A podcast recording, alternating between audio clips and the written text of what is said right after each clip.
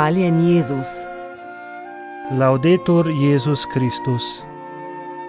Poslušate slovensko oddajo Radia Vatikan. Sveti oče vodstvu in študentom papeških univerz o zmožnosti umevanja z rokami. Papež Frančišek ob začetku sodnega leta v Vatikanu zauzemanje za mir zahteva zauzemanje za pravičnost. Sveti oče z jezuiti v Južnem Sudanu o strahovih molitvi beatifikaciji Patra Rupeja. Duhovne misli crkvenih očetov Benedikta XVI. in papeža Frančiška za prvo postno nedeljo. Papež Frančišek se je v soboto 25. februarja v dvorani Pavla VI. srečal z vodstvom in študenti papeških univerz ter inštitutov. Sveti oče je okoli 3000 udeležencem spregovoril o treh zmožnostih umevanja, ki vibrirajo v človeški duši, z razumom, srcem in rokami, zlasti o tretji, ter navzoče pozval naj ustvarijo zbor tudi med različnimi komponentami njihovi skupnosti ter med različnimi institucijami, ki jih predstavljajo. Sveti oče je na začetku govora dejal: Gospod kardinal, spoštovani rektori in profesori, dragi bratje in sestre, dober dan in dobrodošli. Zahvaljujem se profesorju Navaru za njegove besede in vsem vam za vašo prisotnost. Kot opozarja apostolska konstitucija Veritatis Gaudium, pripadate obsežnemu in raznolikemu sistemu cerkvenega šolstva, ki je skozi stoletja cvetel po zaslugi modrosti božjega ljudstva, razširjen po vsem svetu ter tesno povezan s poslanstvom evangelizacije celotne cerkve. Ste del bogatstva, ki je zraslo pod vodstvom svetega duha v raziskovanju, dialogu, razločevanju znamen časa ter poslušanju številnih različnih kulturnih izrazov. V njej izstopate po svoji posebni bližini tudi geografski Petrovemu nasledniku in njegovi službi veselega oznanjevanja Kristosove resnice. Ste moški in ženske, predani študiju, nekateri nekaj let, drugi celo življenje, z različnimi porekli in pristojnostmi. Zato vam želim najprej povedati z besedami svetega škofa in mučenca Ignacija Antiohijskega. Prizadevajte si ustvariti zbor. Pravzaprav je univerza šola soglasja in sozvočja med različnimi glasovi ter instrumenti. Ne gre za šolo uniformiranosti, ne, gre za soglasje in sozvočje med različnimi glasovi in instrumenti. Sveti Janez Hendrik Newman jo opisuje kot kraj, kjer se različna znanja in pogledi izražajo v harmoniji, se dopolnjujejo, pripravljajo in uravnovešajo med seboj. Ta harmonija zahteva, da jo gojite najprej v sebi, s tremi zmožnostmi umevanja, ki vibrirajo v človeški duši, z razumom, srcem in rokami, vsaka svojo barvo glasu in značajem, a vse tri potrebne. Jezik razuma naj bo povezan s tistim srca in tistim rok, to, kar kdo misli, s tem, kar kdo čuti in s tem, kar počne. Zlasti bi se rad za trenutek z vami posvetil zadnji od treh, zmožnosti umevanja rok. Je najbolj čutna, a nikakor najmanj pomembna. Pravzaprav lahko rečemo, da je kot iskrica misli in znanja, ter na nek način tudi njun najbolj zrel rezultat. Sveti oče je v soboto sprejel audienco sodnike in uslužbence Vatikanskega sodišča, srečanja pa so se udeležili tudi predstavniki pravosodnih organov italijanske države. V govoru je izpostavil, da vsako zauzemanje za mir pomeni in zahteva zauzemanje za pravičnost. Od zadnjega srečanja v Vatikanu, potekalo je marca lansko leto, je prišlo do resnih in nepredvidenih dogodkov, ki so povzročili globoke razpoke.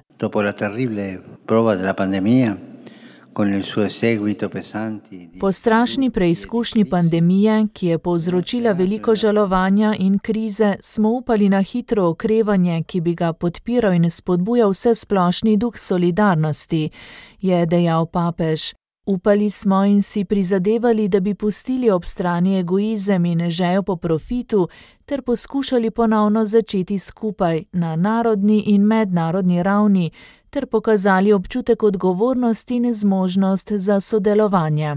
V mnogih delih sveta in z mnogimi pobudami se je to upanje konkretno uresničilo in sicer skupnim prizadevanjem tako vernikov kot nevernikov je nadaljeval sveti oče in zatem z obžalovanjem spregovoril o vojni. Žal je ravno med tem, ko smo si prizadevali napredovati na tej poti postopnega ukrevanja, izbruhnil konflikt v Ukrajini in njegov tragičen razvoj je v svet pahnil v globoko krizo, ki so jo še poslabšala številna vojna žarišča, ki še naprej plamtijo tudi v drugih državah.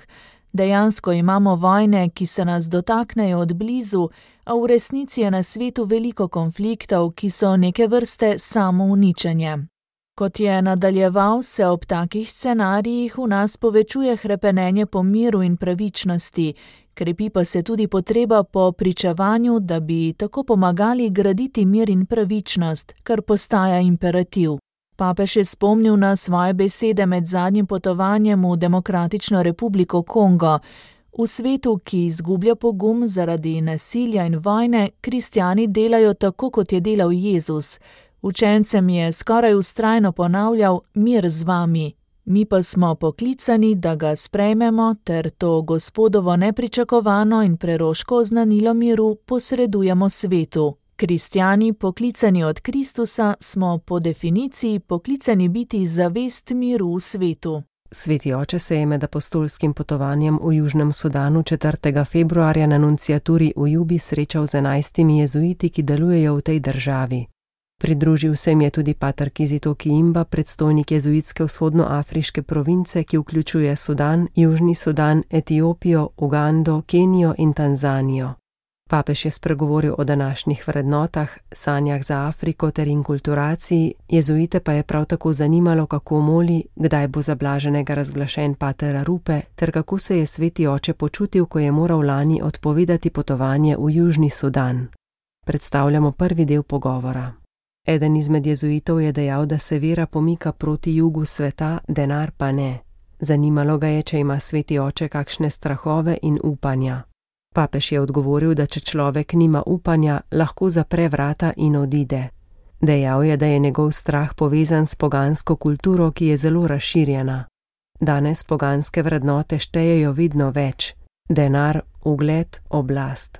Zavedati se moramo dejstva, da se svet giblje znotraj poganske kulture, ki ima svoje malike in bogove. Sveti Ignaci v duhovnih vajah pravi, da so zloraba denarja, oblasti in slovesa temeljni grehi. Izbira svetega Ignacija glede oboštva, do te mere, da jezuiti profesiji izrečejo posebno za obljubo, je izbira proti poganstvu, proti Bogu denarju. Danes je naša kultura tudi poganska kultura vojne, kjer šteje, koliko orožja imaš. Vse to so oblike poganstva, je povdaril sveti oče, ter posvaril, da ne smemo misliti, da je krščanska kultura kultura združene stranke, v kateri njeni člani skupaj pridobijo moč. Na ta način bi po papeževih besedah crkva postala stranka. Medtem ko krščanska kultura pomeni sposobnost razlaganja, razločevanja ter živetja krščanskega sporočila, ki ga naše poganstvo noče razumeti in sprejeti. Prišli smo do te točke, da če nekdo razmišlja o zahtevah krščanskega življenja v današnji kulturi, misli, da so le te ena izmed oblik ekstremizma, je prepričan sveti oče. V nadaljevanju pogovora je z jezuiti podelil svoje sanje glede Afrike. Ponovno je spomnil, da svet ponavadi obmisli na Afriko, pomisli na to, da jo je potrebno izkoristiti. Po papeževem mnenju je to mehanizem kolektivne podzavesti, ki je napačen.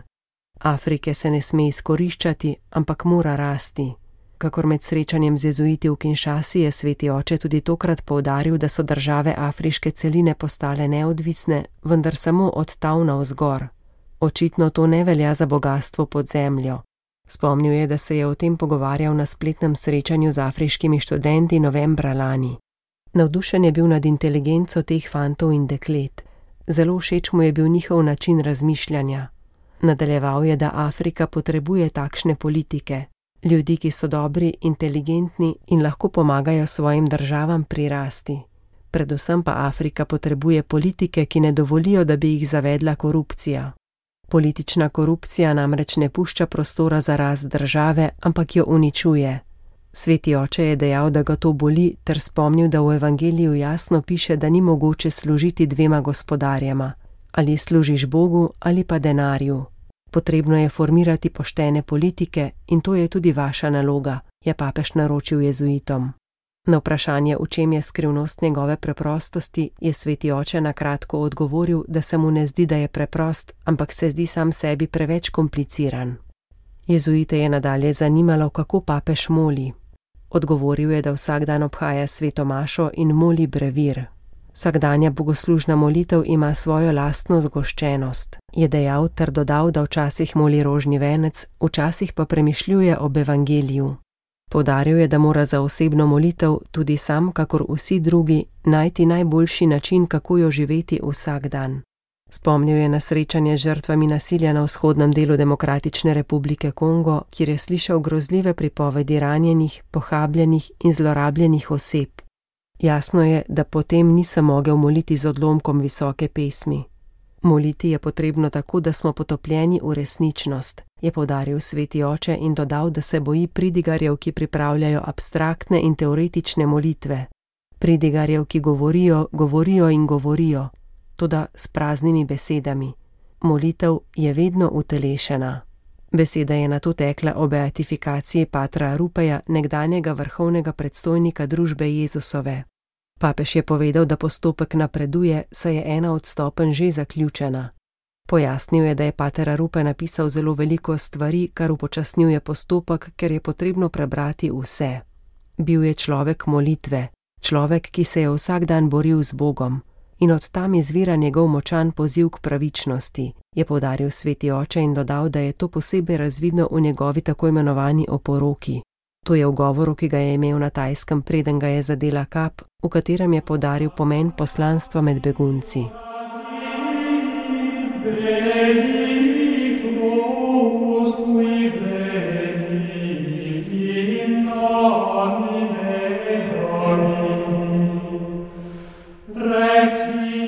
Duhovne misli crkvenih očetov Benedikta XVI. in papeža Frančiška za prvo postno nedeljo.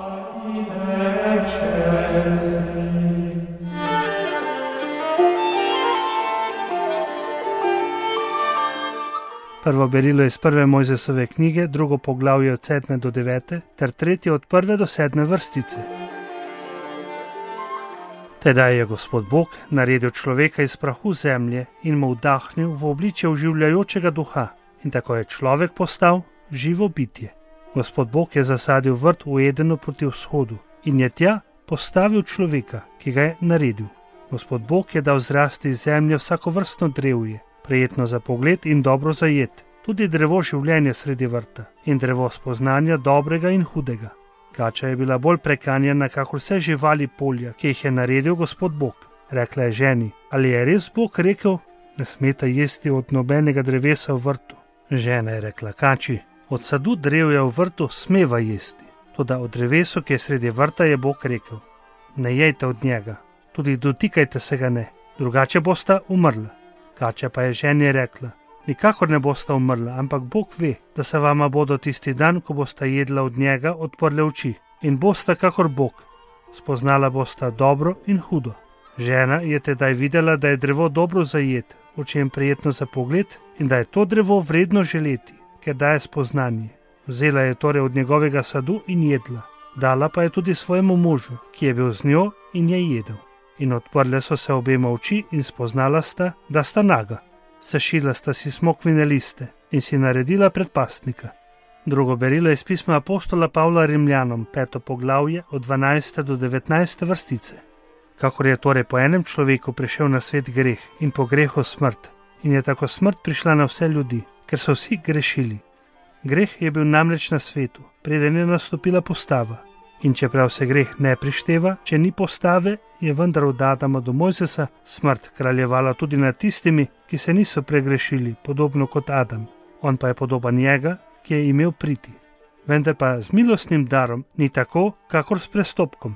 Če so namreč zaradi prestopka enega umrli mnogi, so se v veliko večji meri razlila na mnoge božja milost in dar po milosti enega človeka, Jezusa Kristusa z darom pa ni kakor z grehom enega človeka. Sodba, ki je izhajala iz enega, se je povzpela v obsodbo, medtem ko se je milost, ki je prišla po mnogih, iztekla v upravičenje. Kajti, če je smrt zaradi enega prestopka zakraljevala po enem, bodo tisti, ki prejemajo obilje milosti in daru pravičnosti, toliko bolj kraljevali v življenju po enem, Jezusu Kristusu. Kakor se je torej po prestopku enega človeka zgrnila obsodba na vse ljudi, tako tudi zaradi pravičnega dejanja enega prihaja na vse ljudi upravičenje, ki daje življenje. Kakor so namreč zaradi neposlušnosti enega človeka mnogi postali grešniki, tako bodo zaradi poslušnosti enega mnogi postali pravični. Evangelijski odlomek je iz Matejevega evangelija, četrto poglavje od prve do enajste vrstice. Teda je duh odvedel Jezusa v puščavo, da bi ga hodič skušal. Ko se je postil 40 dni in 40 noči, je bil naposled lačen in pristopil je skušnjavec in mu rekel: Če si božji sin, reci, naj ti kamni postanejo kruh. On pa je odgovoril in rekel: Zapisano je: Človek naj ne živi samo od kruha, ampak od vsake besede, ki izhaja iz božjih ust. Tedaj ga hodič vzame v seboj v sveto mesto in ga postavi na rob templja, ter mu reče: Če si božji sin, vrsi se dol, zakaj pisano je: Svojim angelom bo zate zapovedal in na rokah te bodo nosili, da z nogo ne zadeneš ob kamen. Jezus mu je odgovoril: Zapisano je tudi: Ne preizkušaj gospoda svojega Boga spet ga hodič vzame s seboj na zelo visoko goro, pokaže mu vsa kraljestva sveta in njihovo slavo, ter mu reče: Vse to ti bom dal, če padeš pred me in me počastiš. Tedaj mu Jezus reče: Poberi se, Satan, kaj ti zapisano je: Gospoda svojega Boga počasti in samo njemu služi. Tedaj ga je hodič pustil in glej, angeli so pristopili in mu stregli. Razlaga crkvenih očetov. Teodor iz Mopsoestije pravi, da je bilo pri skušanju Jezusa ravno nasprotno kot pri skušanju Adama. Neznani pisec to pojasni. Hudič gre nasproti ljudem, da bi jih skušal, tudi v tem primeru pa je šel Jezus nasproti hudiču. Zato sveti Hilari iz Poatjeja pravi: Hudič je bil torej poražen v istem mesu, po katerem je smrt dosegla slavo. Neznani pisec nadaljuje: Jezus nam je v 40 dneh dal model za naš post. Sveti Janez Krizostom pravi, da je skušanje Jezusa podug za nas. Jezus je namreč storil vse, kar je potrebno za naše zveličanje, tako, da je izpolnil vse in utrpel vse. Misli Benedikta XVI. Posne nedelje, še posebej v liturgičnem letu A, nas uvajajo v življenje krstne poti, podobno kot jo prehodijo katehumeni, torej tisti, ki se pripravljajo na prejem krsta, da bi v nas poživila dar, ter da bi ponovno zauzeto zaživeli zahteve tega zakramenta, ki je osnova našega krščanskega življenja. Prva posna nedelja razkriva naše človeško stanje na tem svetu. Zmagovit boj zopr skušnjave na začetku Jezusovega javnega delovanja je povabilo, da bi se zavedali svoje lastne krhkosti in sprejeli milost, ki jo osvobaja od greha in uliva novo moč v Kristusu, ki je pot, resnica in življenje. Gre za odločen poziv k zavesti, da hrščanska vera po Jezusovem zgledu in v občestvu z njim vključuje boj proti svetovnim gospodovalcem te mračnosti kateri hudič deluje in se tudi danes ne utrudi skušati človeka, ki se hoče približati Bogu. Kristus je v tem boju zmagal, da bi tudi naše srce odprl upanju in nas vodil do zmage nad zapeljivostmi zla. Misli papeža Frančiška. Na prvo posno nedeljo nam evangelij pripoveduje, kako je po krstu v reki Jordan duh odvedel Jezusa v puščavo, da bi ga hudič skušal. Jezus se pripravlja na svoje poslanstvo znanjevalca nebeškega kraljestva in to 40-dnevnim postom, kakor Mojzes in Elija v stari zavezi. Ob koncu tega postnega obdobja udre skušnjavec, hudič, ki trikrat poskuša Jezusa pahniti v težave. Jezus se s hudičem ne pogovarja, odgovarjamo z božjo besedo, ne svojo. Mi se v skušnjavi mnogokrat začnemo pogovarjati s skušnjavo, se pogovarjati s hudičem, nikoli se pogovarjati s hudičem. Jezus hudičem naredi dvoje, ali ga nažene stran, ali pa mu odgovori z božjo besedo. Bodite pazljivi, nikoli se pogovarjati s kušnjavo, nikoli se pogovarjati s hudičem. Poslušali ste slovensko oddajo Radia Vatikan.